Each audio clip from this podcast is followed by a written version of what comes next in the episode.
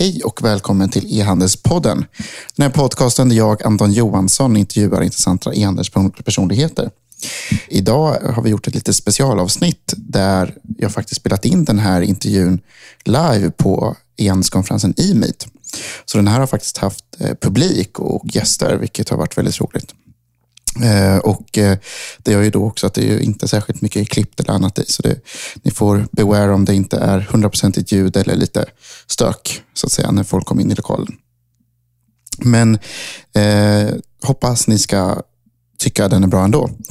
Innan vi kör igång så vill jag bara tipsa om att ni gärna får följa oss i sociala medier. Ni får gärna ge oss ett betyg i iTunes eller Podcaster som appen heter. Ni som har iPhone. Eh, och såklart så får ni gärna höra av er till mig om ni har tips på vem ni vill höra i podden. Jag har e-postadressen anton antonjohansson.com. Men eh, nu kör vi igång intervjun.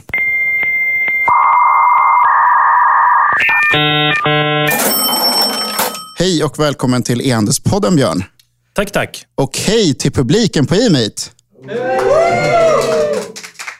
Hoppas jag det här hörs. Nu kommer några fler här också. Det här är nämligen en, eh, en session på e-meet där jag intervjuar Björn Andersson från BGA.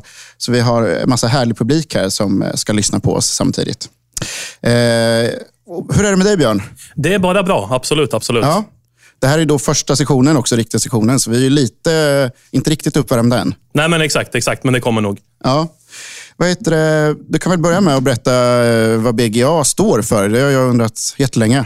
Det står för mitt namn, Björn Gusten Andersson. Och eh, ja, nej men så, Det är jättebra. Då skulle alltså mitt bolag heta Super-Anton helt enkelt. Ja, men exakt. exakt. Ja. vad, och vad gör BGA för någonting? Eh, vi gör lite olika saker inom både e-handel och butiker. Och Vårt stora område det är att vi säljer fotoramar och fotoalbum på nätet. Både i Sverige, Norge, Finland, Danmark och Tyskland och Österrike. Och Sen driver vi även tio fysiska butiker i Sverige och Norge. Mm. Och, och eh, så att säga, som jag förstått det, som ni har ju både då det här sälja vanliga prylar, men ni, ni gör ju också en tjänst. Så att säga. Ja, men exakt. Vi digitaliserar även gamla videoband, och smalfilmer och diabilder. Så eh, det känns som att den marknaden på något sätt någon gång kommer kommer fallera så att säga? Eller? Ja, men exakt. Och Det är därför jag har gått in på det e-handelsspåret mycket också, för att hitta en ny marknad och jobba med i framtiden på ett annat sätt. Och, och när startade du BGA då? Jag har hållit på i 12 år med det här. Och det från början är min far som hade som en hobbyverksamhet. Så bolaget har funnits sedan 93. Sedan 93 alltså? Ja. ja. Och, och, och, eh, när startade du e-handel då? Eh, fyra år sedan ungefär. Fyra, fem år sedan började mm. med det. Och eh, om vi tar lite, lite om dig då. Hur kommer det sig att eh, du tog över ditt fars företag och började jobba med det här? Ja, egentligen så var det som så att jag skulle börja plugga till civilekonom i Uppsala och hittade en ledig lokal i Gävle och tänkte, men vad kul, jag kan ju testa att köra ett halvår innan jag börjar plugga. Men sen har, gick åren och jag insåg att nej, jag kommer inte börja plugga utan jag kommer köra på med det här istället. För jag tycker det är kul att sälja. Det är det jag brinner för. Och, eh, och då blev det helt enkelt BGA, alltså det du har hållit på med nu i 12 år? Ja, exakt. Ja. exakt. Ja. Och jag verkar bli kvar länge till. Ja. Och hur, eh, hur stora är så att säga, BGA idag? Nu då? Både omsättning, butiker, e-handel och så vidare. Och hur är ration mellan de här olika kanalerna?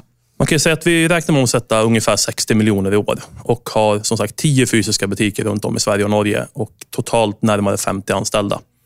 Och e-handeln står för ungefär 45 procent av omsättningen. Så närmare 30 miljoner snart? Ja, exakt. Mm. exakt. Och eh, Jag läste på enel.se i veckan en artikel om, om er. Där står att ni väx, har växt med lönsamhet sedan start också. Ja, men exakt. exakt. Det gör vi. Vad, vad, vad innebär det i mer eh, precisa termer? Så att säga? Har ni, eh, Liksom, är det här en vinstmaskin redan nu? Eller vad? Nej, alltså vi satsar väldigt hårt på att expandera. Det är det som är vår tanke. Vi ska ha en tillväxt på 25-30% per år långsiktigt. Så alla pengar vi har försöker vi återinvestera i ny personal och nya saker för att kunna växa hårt. Utan det viktigaste för oss är att vi har en liten vinst på sista raden hela tiden i alla fall. Vi växer ju bara med eget kapital just nu. Och hur har det gått? Då? Det låter ändå ganska ambitiöst att öppna tio butiker? Så att säga. Ja, det är ju, likviditeten är ju vårt stora bekymmer hela tiden. Så är det absolut. absolut. Och Det är ju någonting som hämmar oss också i utvecklingen. Men vi har ju lyckats. Jag har gjort det i tolv år nu, så man har ju liksom en vana och börjar ju... Ja, man har väl hyfsad koll på läget i alla fall. Mm. Och hur, eh, eh, hur lyckas du lösa likviditetsbristen då i perioder? Håller du på att förhandla med Klarna om tidigare utbetalningar? eller vad är så att säga, dina Nej, jag har ju en bra kontakt med banken till att börja med och haft liksom, det har jag sett som en viktig del redan när vi startar bolaget. Att man ska snabbt få en bra kontakt med banken och hålla dem med i, liksom, i loopen om man säger så. Börja med en liten kredit och liksom ha dem med och de ser att man, är betalnings, man kan betala för sig.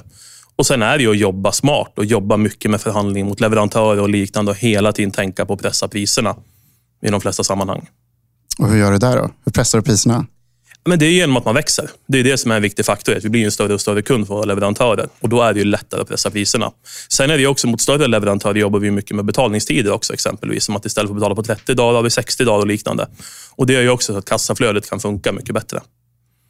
Men om vi går in då på, eh, på de fysiska butikerna till att börja med. Vad, vad, så att säga, vad består de här butikerna av? Är det mest så att säga, göra de här smalfilm och VHS till, till digitalt eller är det väldigt mycket butik? så att säga? Vad, hur, att säga, hur, hur Man skulle kunna säga att det står för ungefär 50 procent av omsättningen i butikerna. Det här med filmöverföring och liknande. Sen är det andra att vi framkallar ju även bilder. Och vi är som, det är som fotobutiker som vi driver. Och studentskyltar och sådana saker. Sen är det också den här omnichannel, att man kan handla ramar på nät och hämta ut i butik. Och Kunderna kommer in i butiken för de har sett att vi har det i lager och sådana saker också. Så, så eh, ni kan man säga har lite, lite grann ersatt när expert försvann. Så att säga. Eller liksom Ja. så, så, så blev, kom ni och så att säga, rädda alla som vill ha en studentskylt och exakt, framkalla exakt. bilder. Och, Mm, mm. Men är ni då, ser ni er som en, en journalistbutik som man går in i eller är ni väldigt mycket så specialist? Är man de som älskar foto? Eller så att säga, kommer till- Nej, det är inte den kundgruppen vi riktar oss till, utan det är en generalistbutik om man säger så. Alla som vill kunna hitta fotoramar och sådana saker. Och det ska vara lätt för kunden. Man ska inte vara expert själv, utan vi är experterna och hjälper kunderna. Och, eh, och hur stora är butikerna då? En snittbutik ligger på ungefär 60 kvadratmeter. Men vi har börjat nu när vi öppnar nya butiker så ska de vara större. Då letar vi kanske runt 250 kvadratmeter eller liknande. Och hur många anställda per butik ungefär? Det är ungefär två per butik, så det är ganska små butiker. Förutom de här stora, nya butikerna. Där blir det fler som jobbar. Det måste vara extremt personberoende då. Alltså, Absolut, om, någon blir, absolut. om två blir sjuka, då är det... Då, då? skickar vi folk ifrån en annan stad. Eller så åker jag ner och står också. Det händer. Inte så mycket nu längre, men förut när vi var mindre antal personer så stod jag ofta i butik själv också. Så det, det, det är ändå ett, eh, det är mycket risk i det här också, även de fysiska butikerna. Så. Ja, det gäller ju att hitta rätt personer. För de är ju vårt ansikte utåt, så vi är jättenoga i den rekryteringen för att vi ska få in riktigt duktig personal där. Eh, när vi pratade innan så har vi pratat en del om, om läge också. Mm. Alltså vart butikerna ska ligga. Vad, vad har ni haft för tankar där? Vi vill ju inte ligga i köpcentrum och det beror ju på att man måste ha sådana specifika öppettider på grund av det. Vi har ju tänkt mycket att det ska vara shoppinggator och lätt att parkera. För våra kunder kanske ska hämta en fotoram som är en meter stor eller lämna en flyttlåda med gamla filmer. Och då måste man kunna parkera lätt. Och eh, om man då går in på eh, e-handeln då. Vad, vad ska jag säga, om man går in på e-handeln och så går man in på e-butik. Vad skiljer de sig i erbjudande så att säga? Det är att butikerna har mycket mindre sortiment. Det är den stora skillnaden. Sen är det ju att de, de, vi samverkar väldigt mycket mellan e-handel och fysiska butiker. Kommer kunderna in och vi inte har det i butikerna, då är det naturligt för personalen i butiken att beställa hem via e-handeln. Så kunden kan hämta det inom en vecka. Och likadant online då, att man kan... Ja, då står ju lagersaldo och allting väldigt tydligt så att kunderna ser vad vi har i lager och kommer in i butikerna på grund av det. Så vi bygger väldigt mycket long tail till butikerna för ett unikt sortiment som inte många andra har i branschen. Just det, för det har vi pratat om eh, tidigare du och jag. Att ni, ni skickar ju då från centrallagret nästan varje gång det, det, så att säga, det beställs någonting Mm, till, till en butik från online. Så då finns det så att säga en... ehm, eh, ni blir någon slags distributör till butiken hela Ja, tiden. men exakt, exakt. Så trots att inte produkterna finns där så ska man så säga, kunna få tag på Mm, Jo, men absolut, absolut. Det ser vi som superviktigt. För annars så samverkar man inte mellan butiken och e-handeln. Då tappar man ju liksom hela konceptet att ha e-handeln i bakgrunden. Eh, hur, hur funkar det annars då med, med e-handeln? Så att säga? Vad, eh, hur stort sortiment har ni? Vi har ungefär 12 000 produkter idag med ungefär 5 000 fotoramar. Olika Så storlekar och färger. fotoramar är ni väldigt bra på helt enkelt. Ja, det kan man säga. Är det, är det någon annan som kan konkurrera med er i antalet? Eh, Det finns ju i Tyskland och liknande finns det sådana som ännu större sortiment. Men då har man tagit in allt som finns på marknaden från alla leverantörer. Vi har ju valt ut de här 5000 ramarna för att de ska, varje ny produkt ska tillföra någonting. Det är jag som är så du har sortimentansvarig. väldigt mycket ramar hemma? Eller på ja. väggarna, eller? Nej, jag har nästan inte så mycket ramar. Okej. Du har inte testat alla? Nej, jag har inte testat riktigt alla. Eh, så, men det, det ändå känns som att ramar, det är där som liksom, säga, ni har djupa sortiment och högst konkurrenskraft i. Då, helt Mm, absolut, absolut. Vad, vad, så att säga, berätta, vad är det unika med ramar som passar online? Så att säga? Ja, alltså det är ju, att det är, det är inredning som jag ser det. Det är det vi jobbar med. Vi liksom, det är ju mycket att du ska kunna... Så idag med heminredning och de bitarna. Och Då vill man ha någonting unikt. Man vill liksom inte ha det som alla andra har, utan man vill ha en särskild storlek. Man vill ha en unik färg. Och Det är där vår styrka kan vara. Och Det går inte att ha i en fysisk butik. För skulle vi ha sånt här stort sortiment, vi har ett lager på nästan 3000 kvadrat. Det skulle vara omöjligt att sätta upp det i ett butiksläge på det sättet. Men och, eh, och som jag kommer ihåg så, så du har vissa att man kan välja så att säga eh, att ni gör vissa grejer med ramar också. Mm. Så lite personalisering i dem så att säga. Vi gör ju mycket måttbeställda ramar också. Det jobbar vi väldigt mycket med. Så vi har ju egen produktion också. Just det. Och det är centralt eller i ja, varje butik? det är också, centralt. Ja. Det måste ju vara väldigt också avancerat så att säga? Eller? Ja, absolut. absolut. Det gäller att hitta rätt kompetens där, en kvalificerad rammakare som har gjort det här tidigare. Hur hittar man det? Så att säga? Det är... Ja, alltså det finns ju utbildningar till det. Så att det finns ju personal att hitta. Så vi har haft jättetur där att hitta en skitduktig tjej som kan de bitarna. Som är ansvarig för det området och liksom kan få det att växa. Och vad förutom ramar eh, säljer ni då mycket av? så att säga? Posters och fotoalbum. Och hur mycket eh, posters har ni då? För där känns det som att man kan ha nästan hur många som helst. Ju. Ja, vi har ett sortiment på 1200 olika motiv. Och totalt med alla storlekar så är väl det närmare 6-7 tusen totalt varianter. Eh, hur tar ni fram de här? Eller vem, vem, liksom, vad är det för typ av eh, motiv? Och... Det är väldigt blandat. Vi försöker följa trenderna väldigt mycket. Så vi har en grafisk designer anställd som bara jobbar med att ta fram nya motiv. Så det, det, liksom, det, kommer ut nya motiv hela tiden? Ja, absolut. Och då, det, det fina då, de sitter i, i liksom InDesign eller Photoshop och sen så trycker mm. de ut det här mm. och så har ni ingen lagerkostnad för det här? Vi lagerhåller ju en del, det gör vi absolut. Men vissa motiv kör vi print on demand. Så då har ni den produktionen inhouse ja, också? Ja, exakt, exakt. Det är en väldigt bra affärsidé. Jag vet inte om du har sett Desennios resultat till exempel? Mm. Jo, exakt, exakt. Det finns en ganska bra hävstång i, mm, mm. i den. Absolut, absolut. Um, så det låter som det är någonting ni satsar lite på också? Eller? Ja, det gör vi utan tvekan. Och hur eh, satsar man på det med att anställa en grafisk designer? Så att säga? Det är mycket sociala medier såklart. Det är den kanalen vi ser som väldigt, väldigt viktigt för oss i framtiden. Så där har vi också utökat vår kompetens nu på sistone för att kunna ja, åstadkomma någonting där också. För jag tycker mycket sociala medier, det är väldigt mycket snack om det inom e-handel. Men jag tycker det är väldigt många som inte lyckas med det egentligen. Utan man räknar bara antalet följare eller antalet likes. Utan det är mycket vad säljer du i slutändan också som jag tycker är väldigt relevant. Och du måste vara jäkligt duktig på det området. Hur säljer ni då där? Nu, nu la upp bollen för Smash, mm, känner jag. Mm. Nej, vi, har ju, alltså, vi har ju egentligen börjat vår satsning nu i somras. Det är då vi börjar satsa på allvar. Vi har ju sett att försäljningen stiger, absolut. Men det är ett svårt jobb. Det tycker jag absolut. Men har du då, det är ett par månader nu ni kört. Då. Mm, hur, mm. hur, så säga, har ni några lärdomar över vad som säljer och inte? då, när, hur ni jobbar? så att säga? Ja, alltså... Vi jobbar ju väldigt mycket med samarbeten och sånt. Så vi ser ju där vilka poster och liknande som är populära och försöker satsa mer på de typerna av motiv. Absolut. För, för jag hade eh, Printlare i podden tidigare, mm. som också säljer för att fotokonst. Då, mm, lite mm. samma eh, grej. Och Det var ju extremt... Eh, de är också så att säga eh, influencers eller mm, sociala mm. medieprofiler som en, en stor eh, kanal. så att säga. Men eh, det är ju väldigt svårt alltså att få folk att, att dela saker. Mm, absolut. Så absolut. betalar ni eller hur? Det är väldigt olika hur vi jobbar där. Så de som lyssnar, så här, de kan betala om ni är duktiga helt enkelt? kan vara så också. Ja. Mm.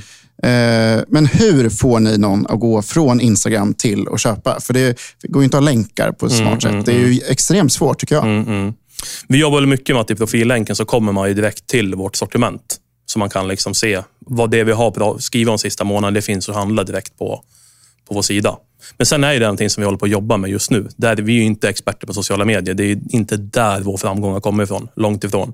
Men det ska bli det? Ja, absolut. Ja. Eh, hur har ni så att säga, skaffat er den här kompetensen? Då? För det här är ju en fråga som det är ganska många som jag pratar med som så att säga, hur ska vi göra? Vem ska vi prata med? Mm, mm. Vi har ju lyckats anställa personal som kommer inom kort, som ska jobba med det här på heltid, som mm. har den kompetensen tidigare. Så det är det som är ni? Ja, vi ni, gör in-house allting. Det låter som ni har, ni har möjlighet att anställa väldigt många personer. Vad, vad, hur, kommer, alltså, hur lyckas ni så att säga, hitta all kompetens? Så att säga? Eh, och kolla ner i lönerna då antar jag? Ja, alltså vi har ju huvudkontor i Gävle, vilket är en liten nackdel för det kan vara lite svårt. Det är en lite begränsad arbetsmarknad där uppe. Så vi ska ju starta ett till kontor nere i Göteborg inom kort också. För att på så sätt ha lättare att hitta kompetens inom specialområden. Nu vill jag kort bara lite avbryta för att tacka vår sponsor Weld, W-E-L-D. Weld är en ny tjänst som gör att du kan skapa interaktivt innehåll till din webbplats eller e-handelssajt väldigt, väldigt enkelt utan att behöva koda. Eh, och det här kan ju låta så att säga, lite abstrakt, men det är faktiskt extremt enkelt. Det, eh, du, du i princip rita som i Photoshop, eller Keynote eller PowerPoint och sen så kan du göra då funktioner av det här så att det faktiskt blir interaktivt, intressant och eh, så att kunderna så att säga kan, kan göra roliga grejer på, på din hemsida. Och Det finns ju två delar av det här som är, dels så blir det väldigt mycket enklare att att skapa innehåll eh, utan att behöva koda, vilket gör att du kan spara väldigt mycket utvecklingstid.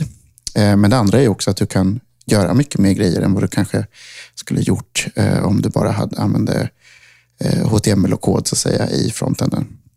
Eh, så, att, så gå in, om ni vill veta mer, så gå in på weld.io och läs mer. Eh, jag kan också tipsa om att eller berätta om att Polen och Pyret och Whirlpoolet får de kunderna som använder Weld idag. Så gå in på weld.io. Tack för att ni stöttar Genspodden. Okej, okay, men i dagsläget sitter alla i, i Gävle, så att ja. säga. Mm. Och hur hittar man en grafisk designer eller en... Eh, alltså, ni måste ju ha... Eh, det är ju väldigt specifika roller, så att säga, ni mm. anställer.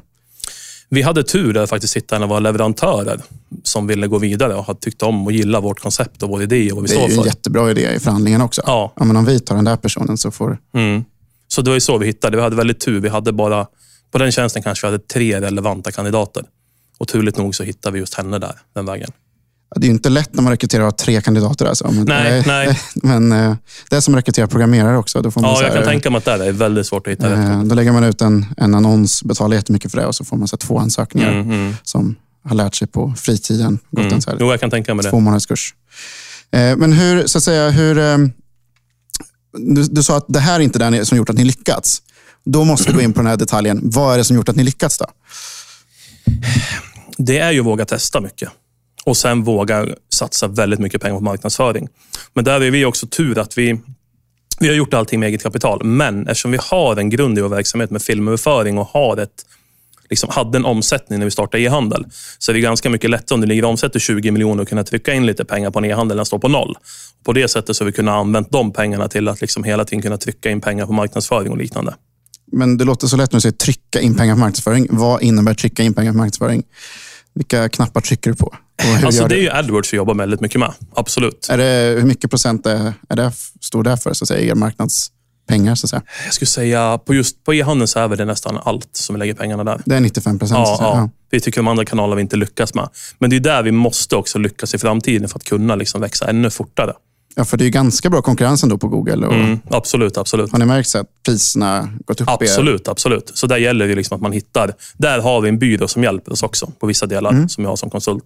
Så då tar ni in en, en byrå som hjälper er? Och, och liksom, Sen jobbar säga, jag mycket med det själv också. Men vad är, så att säga, er, om vi tittar på er Google-annonsering, vad är det som gör att ni lyckats där? Eh, så att säga? Vad, vad är det för taktiker ni har? Så att säga, för... Jag tror det är mycket ett personligt intresse också. Jag älskar marknadsföring, jag älskar sälj, jag brinner för att sälja.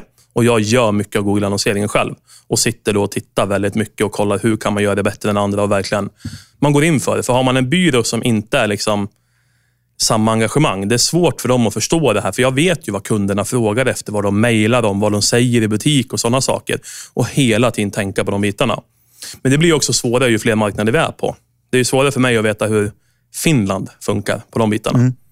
Så det blir ju svårare ju fler marknader vi är på. Men det gäller också att vi har lokal kompetens och lokal personal som kan hjälpa oss att liksom bolla de här idéerna. Men vad att säga, vad, säg något konkret. Vad är det ni gör som är så smart? då?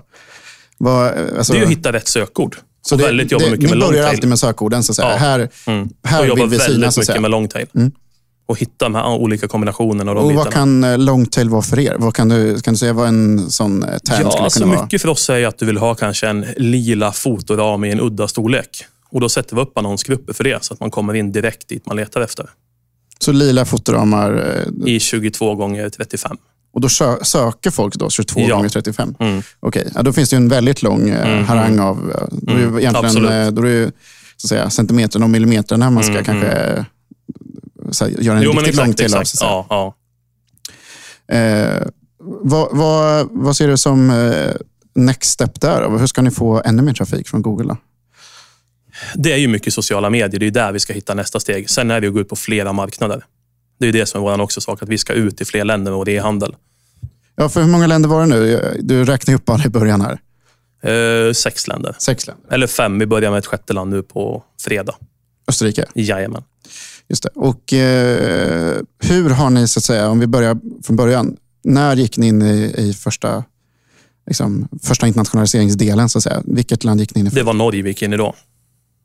Och Ja. det är två år sedan, om jag inte minns helt fel. Och hur har det det. gått? Då? Det har gått superbra. Det har gått väldigt bra. Så det är därför jag också öppnar en fysisk butik i Norge senare. För att kunna rida ännu mer på den vågen. För det är ju Tog problematiskt. det lång tid innan ni blev så att säga, lönsamma på e-handeln? Där, så att säga, eller? Alltså, nej, ja, inte så mycket i Norge måste jag, kan jag inte säga. För där kunde vi ha lite högre prisnivå dessutom. Och vi har liksom inte mycket konkurrens där heller. Det finns inte så många som säljer 5000 Nej. ramar. Så. Nej, men exakt, exakt. För det är ju våran bredd i sortimentet finns det inte många andra som har. Och att vi jobbar väldigt mycket med eget material, med egna bilder och har en fotograf som jobbar med bara att fota ramar och sådana saker. Och om man då eh, pratar, när du säger går in i Norge, Mm. vad gjorde du då? Så att säga? Ja, först främst så översatte vi hela shoppen till norska på en gång. För det ser vi som en första steg. Du måste ju ha bra texter och det måste vara bra gjort för att kunderna ska känna att du är en lokal aktör. Sen är det allting från att du har ett lokalt telefonnummer, du anställer kundtjänstpersonal som har jobbat i Norge, som har flyttat hem och att man vet det, hittar ja, men vettiga fraktalternativ. Och liksom tittar upp fr- från de här minsta detaljerna som vad du kallar fraktsättet för. Inte gå på vad leverantörerna säger att det heter mot kund, utan kolla vad står det i norska shoppar. Det är en jätteviktig grej. Eller som Bring, då hette deras fraktsätt Carry Own Home Shipping, vilket innebar att du skulle hämta ut på ett ombud. Och Det är ju totalt ologiskt för alla utom Bring. Så då kollar vi vad gör andra norska shoppar. Vad kallas det egentligen ut mot kund? Och döpte det till rätt sak. Sådana där små detaljer, att man hela tiden tittar och åker till Norge och tittar på konkurrenterna. Vad har de för sortiment?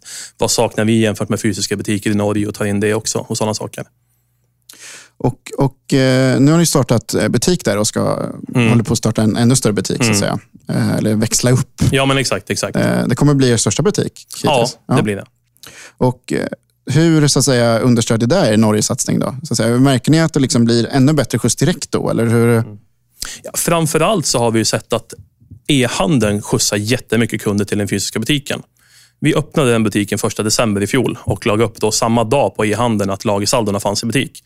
Första dagen hade vi en tio kunder som hade sett lagersaldot att det fanns i butik och kom och handlade direkt. Så vi ser att e-handeln ger en väldigt stor skjuts till butiken. Och sen också att det är också viktigt att ha en fysisk närvaro för att man, man får personal som bor i Norge som är uppdaterad vad som händer i Norge och de bitarna också. Jämfört med någon som har bott i Sverige och sen varit i Norge några år och kommer hem. Så det är också kör ni då kundservice via butiken då för Norge? För till en stor del, också? Ja. absolut. Så då får ni också liksom, så att säga, ännu bättre personal på det här Mm. Exakt, sättet exakt. På, på plats. Mm. Och vad, vad finns det annars för så att säga, nycklar när ni, när ni gick in i Norge? Hur, hur löste ni så att säga, tull och hela... Där är ju Bring skitduktiga. De har ju ett färdigt paket som bara funkar. Eller ja, bara- det är lite krångel, men alltså det funkar det är supersmidigt. checkboxar och så trycker ja, man kör Ja, exakt, exakt. Blir det dyrt? Alltså frakten är ju högre, det får man ju räkna med. Men istället så kan vi ha en högre prisnivå och sen är det all, det är volym det handlar om i handel. Man kan liksom inte gå in i ett land och hoppas att man ska ha liksom en hög lönsamhet och omsätta en miljon, utan det är ju sen vad kan vi åstadkomma på sikt? Och där hittar man lönsamheten. Okej, då går vi vidare till de andra länderna. Hur, så att säga, varför har ni rullat ut så många länder? Varför fokuserar ni inte på så ett land i taget Mm. och gör det jättebra där och blir lika stora som i Sverige i varje land, ett i taget? Så att säga? Det är en bra fråga också faktiskt. Det, det, är Men- väldigt, det är väldigt roligt att gå in i ett nytt land, eller? Nej, men alltså det är mycket där vi ser att man kan ganska snabbt hitta en relativt okej nivå i ett nytt land genom Google AdWords och hitta en lönsamhet där. Sen tar det ju tid att bygga upp det andra, men vi anser att vi har kapacitet att gå in i flera länder samtidigt och göra det på ett bra sätt. Men självklart, man gör det ju inte... Hade man gått in i Norge och öppnat en fysisk butik och sen är i handeln och bara satsat där, självklart hade vi omsatt mer där då. Men vi tycker att vi, konkurrensen är relativt låg. Vi har några duktiga konkurrenter, absolut. Men konkurrensen är så pass låg så vi vill ta passa på och gå in i ännu fler länder och kunna bli stor där också. Men jag tänker typ Tyskland. Hur Mm. vågar man gå in där? Så att säga? Det måste ju vara... Det, krä, det känns ändå som en betydligt svårare marknad än, än Norge, så att säga, Mm, på många sätt. Hur, Absolut. Hur, eh, hur har ni så rustat för att stå emot? För det känns ändå som det borde vara högre konkurrens där. Absolut, absolut. Sen är det ju, liksom, gå in i ett nytt land med e-handel, det är inte några extrema investeringar. Man måste översätta shoppen. Det är den stora kostnaden? Det är den eller? stora kostnaden. Och sen, vi är ju så vana att jobba på olika ställen eftersom vi har tio fysiska butiker. Så för oss är det inget konstigt att vara på massa olika ställen och olika marknader. Så vi alltid jobbar. För det kan man ju säga samma sak med fysiska butiker. Varför satsar vi inte på en stor butik i Stockholm istället för att ha tio butiker runt om i Sverige? Så det är, liksom, det är nog hur vi jobbar egentligen och testar mycket olika. Och Sen hittar man, som vi gick in både i Tyskland och Danmark samtidigt. Danmark var vi nästan ännu mer skeptiska till för att så extremt mycket att det är sån priskonkurrens och kunderna är Arga. arga och sådana Ja. saker. Alltså visst, om vi gör fel, då kan vi få lite mer klagomål. Men då har vi gjort fel. Och då Hur många gånger få... har ni blivit utskällda hittills av danskar då? Det vet jag inte. Men då... Nej, du kan inte hålla räkningen eller?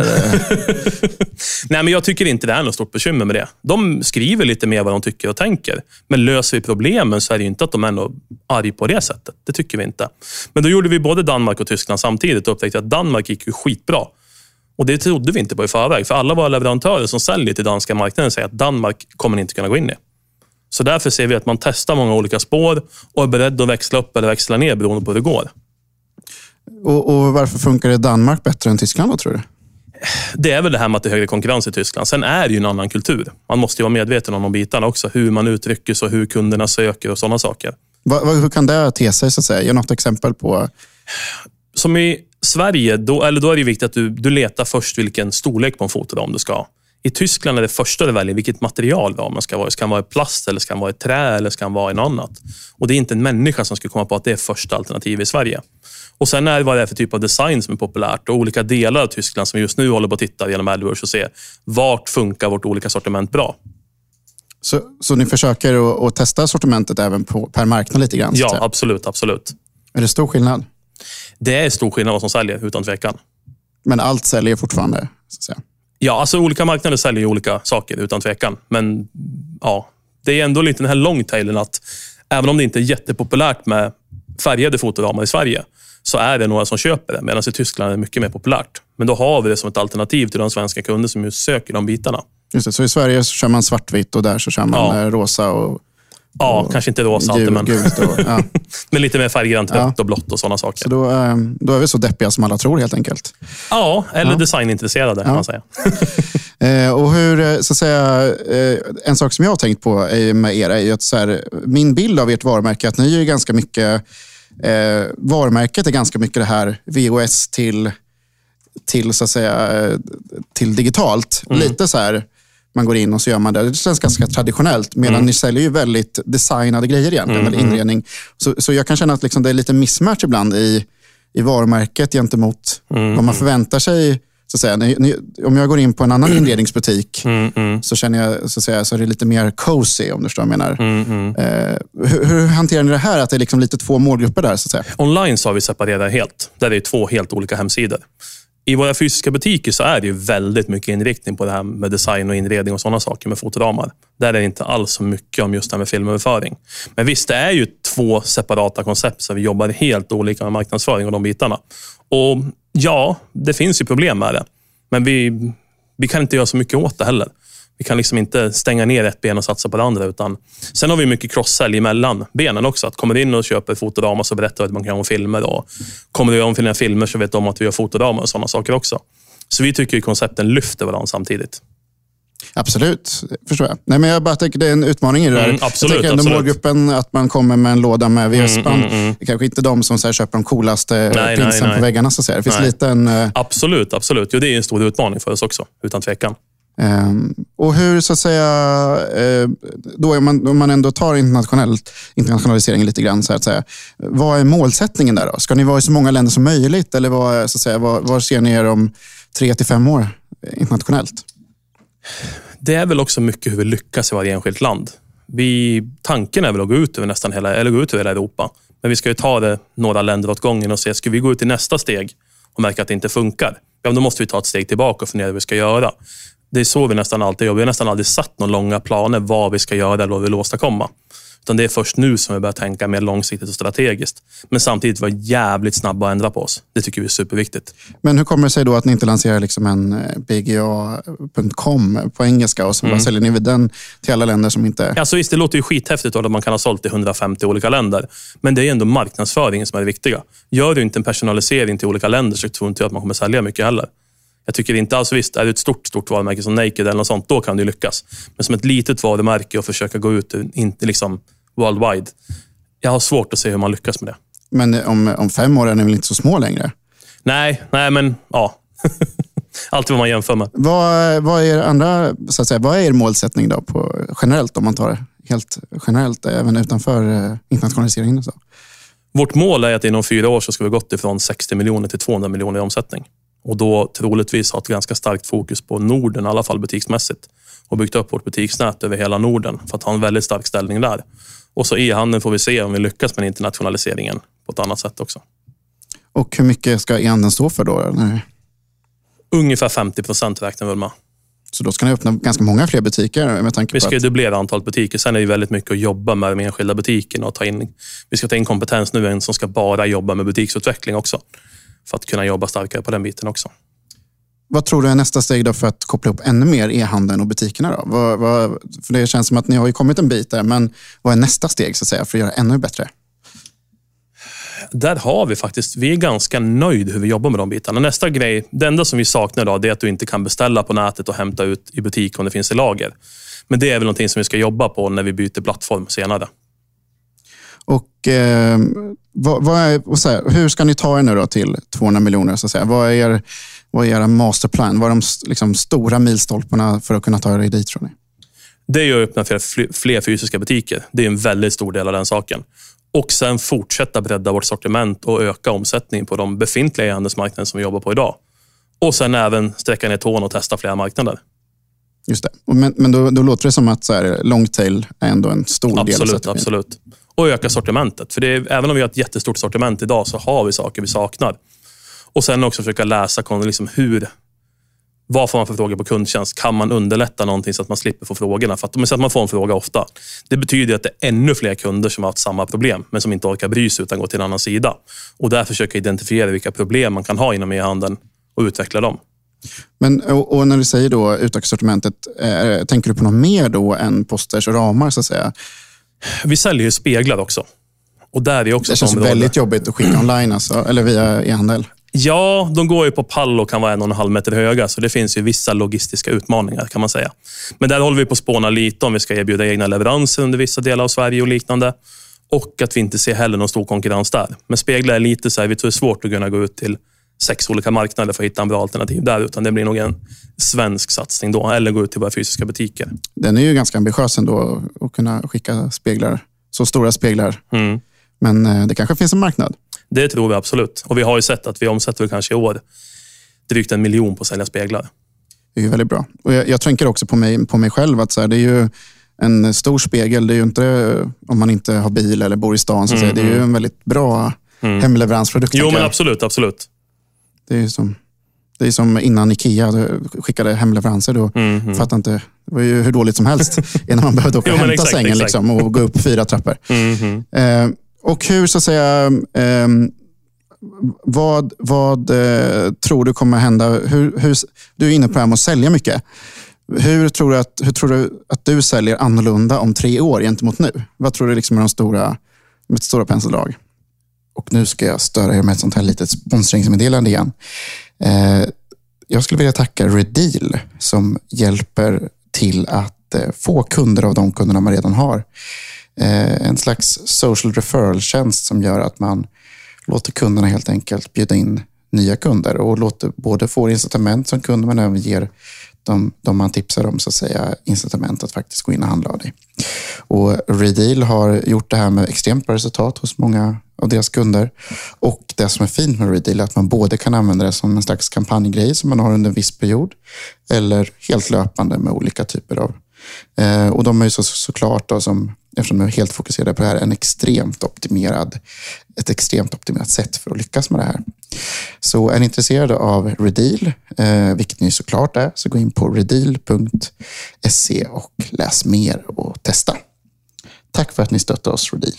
Vad eh, tror du kommer hända? Hur, hur, du är inne på det här med att sälja mycket. Mm. Hur, tror du att, hur tror du att du säljer annorlunda om tre år gentemot nu? Vad tror du liksom är de stora, med stora penseldrag? Ja, den frågan har jag inget vettigt svar på egentligen. Men det är väl mycket att, för oss handlar det mycket om att utveckla organisationen och ha mer specialistroller på olika saker. Och sen är det att vi ska ha en grym kundservice. Jag tror det är jätteviktigt att liksom göra extra för kunderna. Det kan vara exempelvis som nu i fjol när vi hade en leverans till Norge som gick åt skogen. Då ordnade vi en egen hemleverans för att jag skulle till Oslo. Så jag kom hem 22. 22.00 till kunden den 22 december och levererade grejerna. Så jag försöker alltid göra det lilla extra för att lösa kundens problem. Men just säljmässigt, det är jättesvårt att säga om tycker jag. För det, det, jag tänker bara att det är någonting som, eh, det är ganska många marknader där så här Google, mm. eh, klicken kostar mer och mer och det blir svårare och svårare. Så det känns som en ganska central fråga ändå för hur det ska lyckas. Men, eh, där är ju mycket också att ju, fler, ju längre vi har på så bygger man upp en kundregister också. Så man får återkommande kunder. Hur jobbar ni med det då? Har ni, säga, hur gör ni för att få folk att återkomma? Alltså, där är vi inte... Det är ju det här gamla vanliga med nyhetsbrev och kanske skicka ut någonting lite senare. Att hej, kommer du ihåg oss och ge några rabattkoder och liknande. Så det är väl de bitarna vi jobbar aktivt med där idag. Så där har ni lite att jobba på? Låter exakt, exakt. Men ni har ju inlogg och så på sajten också. Mm. Så man kan se sina tidigare order mm, och mm. sånt där. Eh, en annan sak som vi, jag tänker på just eh, trogna kunder, det är ju B2B också. Mm. Eh, jag tänker det är väldigt många företag som vill köpa ramar och annat. Hur, hur jobbar ni med det? Ja, vi har ju liksom, det, det, är en hel del kunder som köper den vägen, absolut. absolut. Men det är inte vårt stora fokus. Men vi har ju som att man, går man in så har vi, man kan komma till en företagssäljare genom att komma frågor och svar och titta så finns det att man kan ringa och sådana saker. Och försöker lösa problemen till kunderna då. Men det är ett område vi inte jobbar så aktivt med. Det är vi inte. Det finns, det, ni, har, ni har inte testat att ha en säljare som sitter aktivt och säljer? Nej, det har vi inte gjort. Vi känner liksom också att vi måste också... Vad är det vi ska jobba med? Vi är redan så breda så att det är svårt att bredda ännu mer. Mm. Och eh, vad, vad, så att säga, vad, vad, tycker du, vad är du mest orolig för de närmsta tre åren? Vad, vad, så att säga, vad får du lite ont i magen av i er satsning? Så att säga? Det är ju alltid det här med att man måste hålla väldigt bra koll på siffrorna. För vi ska ju växa väldigt fort och det är att hålla koll på likviditeten och de bitarna och inte växa för fort och att man hinner, hinner med organisationen också. Och att jag kan bli en stoppkloss också.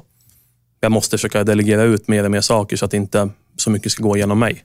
Ja, för i dagsläget så egentligen är det ju, när jag pratade med dig tidigare, så du, du är ju lite både affärsutvecklare och allting, men mm. gör näst, ganska mycket också generellt. Alltså mm. det, det, det, är du som åker runt i butiken och kollar mm, så att de gör mm, sitt jobb mm. och öppnar nya butiker. Du ska till Oslo och spika, eller måla nu om Ja, men exakt. Snart, exakt. Liksom, och så här. Eh, hur, eh, det, det, känns som att du är redan är en bromskloss, är inte lite så? Mm. Eller liksom, hur, hur, hur, ska du lösa det problemet? Då? Vi har gjort väldigt mycket i organisationen, som att vi tar in nu en som ska bara jobba med butiksutveckling och åka runt till alla butiker. Och vi har grafisk designer. Förut så var det jag som jobbade mycket med postersortimentet och vi har en webbredaktör som skriver texter. Det gjorde jag också för två år sedan. Så att vi utökar organisationen hela tiden och för att jag ska inte ha så mycket. Jag är inte med i den dagliga driften, det är jag inte det är inte så att jag står och packar paketen och sådana saker, utan vi har en jättebra organisation och vi har fått grymt mycket duktig personal. Men hur ska du hålla koll på siffrorna bättre då? När du, för det, du kan ju inte alltid sitta och göra det vid midnatt. Liksom, utan hur, Nej. Vem ska göra det på dagarna? Vi ska ju anställa en ekonomiansvarig nu också. Gå bort ifrån att ha redovisningsbyrå, utan ha en person som jobbar bara med ekonomi och kassaflöde och räknar på alla saker på heltid. Så det är liksom, nu, nu är den så pass stora, nu behövs det? Ja, exakt. Hur lönsamma är butikerna då? Får man fråga det? Alltså, det är som jag sa med allting annat. Vi håller en väldigt låg lönsamhet på sista raden. Men just överföring av film, där har vi en relativt okej okay lönsamhet. För det har vi hållit på med så länge, så det är inte så stora investeringar vi måste göra där. Så alla butiker är ju lönsamma, utan tvekan. Men är det för att ni är smarta med kostnader eller för att ni har väldigt bra intäkter? så att säga? Vi jobbar ju väldigt mycket med, med utgiftssidan. Det är vi väldigt noga med. Så det är där som är en väldigt viktig bit, utan tvekan. Men hur får ni eh, bra hyreskontrakt då? För det känns som att eh, ni eh, i Stockholm ligger ni på Hornstull på jättehipp gata och ni har ju väldigt bra lägen så att säga. Mm, och mm. många även i Oslo och sådär. Mm, mm. Hur, hur, håller ni, hur får ni så bra kontrakt så att säga? Alltså det är mycket att vara ute hela tiden och leta lokaler. Jag är med liksom i kolla på lokaler och kontakta hyresvärdar i stort sett hela tiden. Det är någon varje månad som jag tittar på. Så det är ju liksom att ha tur och hitta en hyresvärd som tror på vår idé och se liksom vad vi vill. Och man kan pitcha sin idé väldigt mycket också. Men ni köper inte hyreskontrakt? Utan det ni... gör man ju också. Men vi, får ju, vi kan inte ta några jättestora investeringar där, för det finns ju ingen säkerhet emot bank eller liknande. Så vi kan inte lägga en miljon på ett kontrakt, för det kan vi inte finansiera på det sättet. När eh, har ni butiker i fler länder då? Nästa steg är att öppna fler butiker i Norge. Vi ska ju först komma upp och ha kanske fyra butiker där. Och Sen är nästa steg att gå mot Danmark och liknande. Så du tror att det ändå är Norden så att säga? Som är... Ja, Norden är butiksfokus på utan tvekan. Det kommer ta tid innan vi går till andra länder med fysiska butiker. Du ska, du ska inte öppna 30 butiker i Tyskland imorgon, så att säga. Nej, det har vi inte kapital till heller. Så. Nej. eh, men på tal om kapital, du har gått ut i egentligen artiklar och sagt att du kanske ska ta in kapital. Mm. och så där. Hur, hur, hur kommer det sig, så att säga? För att vi känner ju att vi har ju en affärsidé som funkar och vi har en bra fart och en bra tillväxt. Men vi vet ju också att skulle vi ha mer kapital så skulle vi kunna göra någonting annat. Vi skulle kunna gasa ännu hårdare. Och det är väl anledningen till det. Så vi har väl några möten inplanerade just nu på det. Får se vad det leder till. Och Det är roligare att vara med på att äga en mindre del av en större resa än att vara helt själv. Mm. Eh, så här, jag brukar alltid fråga, vad är liksom dina bästa tips till andra e-handlare där ute, så att säga, eller retailers? Vad, vad har du för, för tips som du har, vill dela med dig av? Lyssna på kunden. Inte vara så mycket med olika köpvillkor, vad man har skrivit där, utan lös kundens bekymmer. Skit i om man gör några enstaka förluster, utan se till att lösa kundens bekymmer och gör det bra. Och sen försöka kolla sen hur man kunde, om man har gjort något fel själv eller inte. Och sen våga testa. Och att det krävs mycket jobb. Mycket timmar måste man lägga för att lyckas, anser jag. Hur, hur testar du saker då? Det är att försöka göra det i liten skala till att börja med. Vi säger som om vi, vi gör måttbeställda passepartouter till våra kunder, sen en liten ram man sätter runt bilderna. Då börjar vi sälja det till en relativt låg kostnad och vi gjorde det manuellt, så vi förlorade pengar på varje vi sålde. Men sen när vi såg att ah, det här funkar, då köpte vi en maskin för 300 000 som gör grejerna istället. Så att man testar i liten skala, funkar inte, bort med det, bort med det, bort med det. Så det är ju massa grejer varje år som vi testar som går helt åt helsike bara. Vad är, vad är det största, det som gått mest åt helsike? då? Det är mer massa små misslyckanden bara. Jag har ingenting konkret. Du har många små, Jättemånga små men många, misslyckanden. många små saker har gått bra också. Ja, exakt. exakt. Ja. Hur mycket kommer ni omsätta nästa år? då? Då siktar vi på 85 miljoner. 85 miljoner. Mm. Och hur mycket av det kommer e-handeln ha växt? Då? Där räknar vi med en ungefär 40 miljoner där någonstans. Så det växer på. Ja, absolut. Ja. Nu har vi en publik här. Är det någon som eh, vill ställa en eh, fråga innan vi ska avsluta här? Ja, Jag blir lite nyfiken på det här när ni är lyhörda i er kundservice Mm. och ni märker att en viss fråga dyker upp och att fler säkert har samma Mm. Kan du ge något ex konkret exempel på när ni har snappat upp någonting sånt och faktiskt förändrat någonting för att förekomma så att säga eller förbättra er? Framförallt är det att alla kommentarer som kundtjänst får försöker vi skriva upp. Saker som vi inte har bra information på och att jag har täta avstämningar med som jobbar i kundtjänst. Men det kan vara allt ifrån hur man presenterar öppettiderna på hemsidan till hur man visar att lagersaldon finns och sådana saker. Jättemånga kunder missförstod om det fanns lager lokalt i butik eller inte. Så försökte vi ändra designen där för att kunderna lättare skulle se om det var lokalt eller inte. Ja, Jag, jag, jag älskar din inställning just att uh, oavsett vad det står i, uh, i villkoren, lös det för kunden. För jag tycker det är helt rätt. Uh, jag tror dock att det här kan bli problematiskt framöver när ni växer och växer och växer. Där ni måste ha lite hårdare linjer. Uh, vad, är, vad är din åsikt om det? Vi har ju jätteduktig personal på kundtjänst och en tjej där som är extremt duktig. Som vi, vi har väldigt tät dialog i olika sammanhang där och liksom löser problemen och försöker sätta upp riktlinjer. För man måste ha mer och mer riktlinjer, så är det absolut. Men att hon är den som alla andra på kundtjänst frågar. Hur löser man det här problemet? Så att hon får ta, hon får liksom ta mina beslut på de sakerna och lösa kundens problem. Men ju- just när ni kommer få ännu mer volymer. Alltså, det- att, att behandla undantag när man i en relativt liten skala är hållbart. Men ni har ganska stora planer. Eh, Tror du inte att det här blir svårare i framtiden för er? Man måste ju... Nej, jag tror faktiskt inte det. Sen är det såklart vad man menar med stor. Skulle man vara i Telias nivå, ja men då går det ju inte. Men ska vi omsätta tredubbla oss på fyra år så ser inte jag det som en svår grej, de bitarna. Får jag ställa en fråga? Jobbar ni med chatt idag? Ja, absolut. Finns det saker som man inte ska göra eller saker som man inte ska skriva? Saker, så, eh, saker som man inte ska behandla genom chatten? Vi försöker ju ta alla, alla saker genom chatten, absolut. Sen är det ju om det skulle bli väldigt konstiga frågor om personuppgifter och sådana saker. Då ska man ju såklart inte ta genom chatten, men annars försöker vi ha det igång. Och vi försöker ju också ha väldigt bra öppettider på chatten. Vi har ju kundtjänstpersonal som jobbar 10 till 18. Sen sitter jag på kvällarna och jobbar mycket, så jag har alltid chatten igång då också. På Nordic E-commerce Summit så satt eh, Björn på middagen och eh, chattade med massa danskar hela, hela middagen i våras. eh, så, så jag vet att han är engagerad i den här chatten. Han krängde ganska mycket den Ja, middagen vi också. sålde en hel del faktiskt. Ja, det var du som fick bjuda på öl sen. För det är en bra försäljningskanal för er? Det tycker vi absolut. Man märker att de kunder man har i chatten, de handlar ju sen. Absolut. En fråga till där. Ja, vad är den största fördelen för e-handelsbiten, att ni har fysiska butiker? Jag tror det handlar mycket om trovärdighet där också. Att kunderna ser att vi finns på riktigt och att vi får den här direktkommunikationen med kunderna. Informationen vi hör i butikerna försöker vi omvandla till e-handeln. Och att det är en extra försäljningskanal. Kunderna som kommer in i butikerna får höra att vi har en e-handel också. Och logistiken, har ni ett lager eh, som ni skickar från eller finns det något i fysiska butiker också som skickar ut? Nej, allting går genom centrallager just nu. Det är väl någonting vi ska ändra på senare med, som i Norge exempelvis, så skulle vi kunna vilja skicka mindre paket lokalt istället.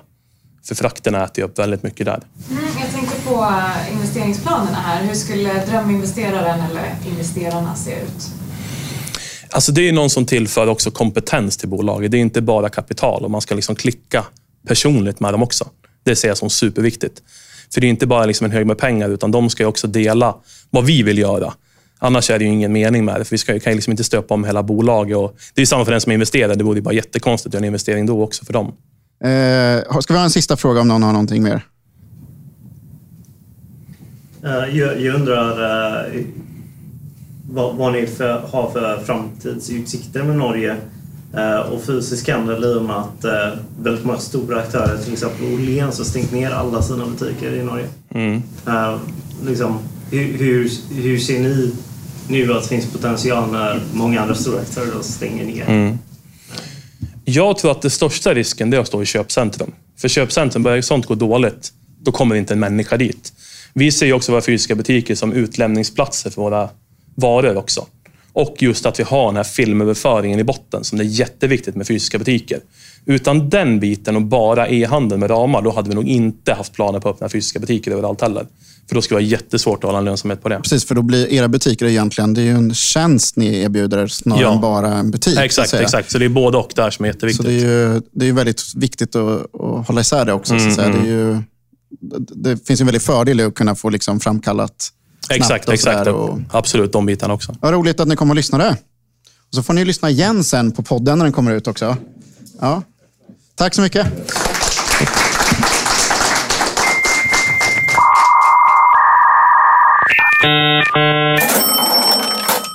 Tack för att ni lyssnat på den här podcasten, E-Anderspodden. Eh, fortsätt gärna göra det. Det kommer mer avsnitt nu i höst. Glöm inte att följa oss i sociala medier. Det heter vi E-handelspodden överallt. Eh, glöm inte att följa mig i sociala medier. Jag heter Agaton på Twitter. Ni kan också kontakta mig på anton.antonjohansson.com. Och så skulle jag vilja tacka Aper som eh, hjälper mig klippa och och eh, producera den här podcasten. Ni ska såklart höra av er till Aper om ni till exempel vill ha hjälp med radioreklam eller ska spela in film eller andra saker. Och eh, på återseende helt enkelt. Hej!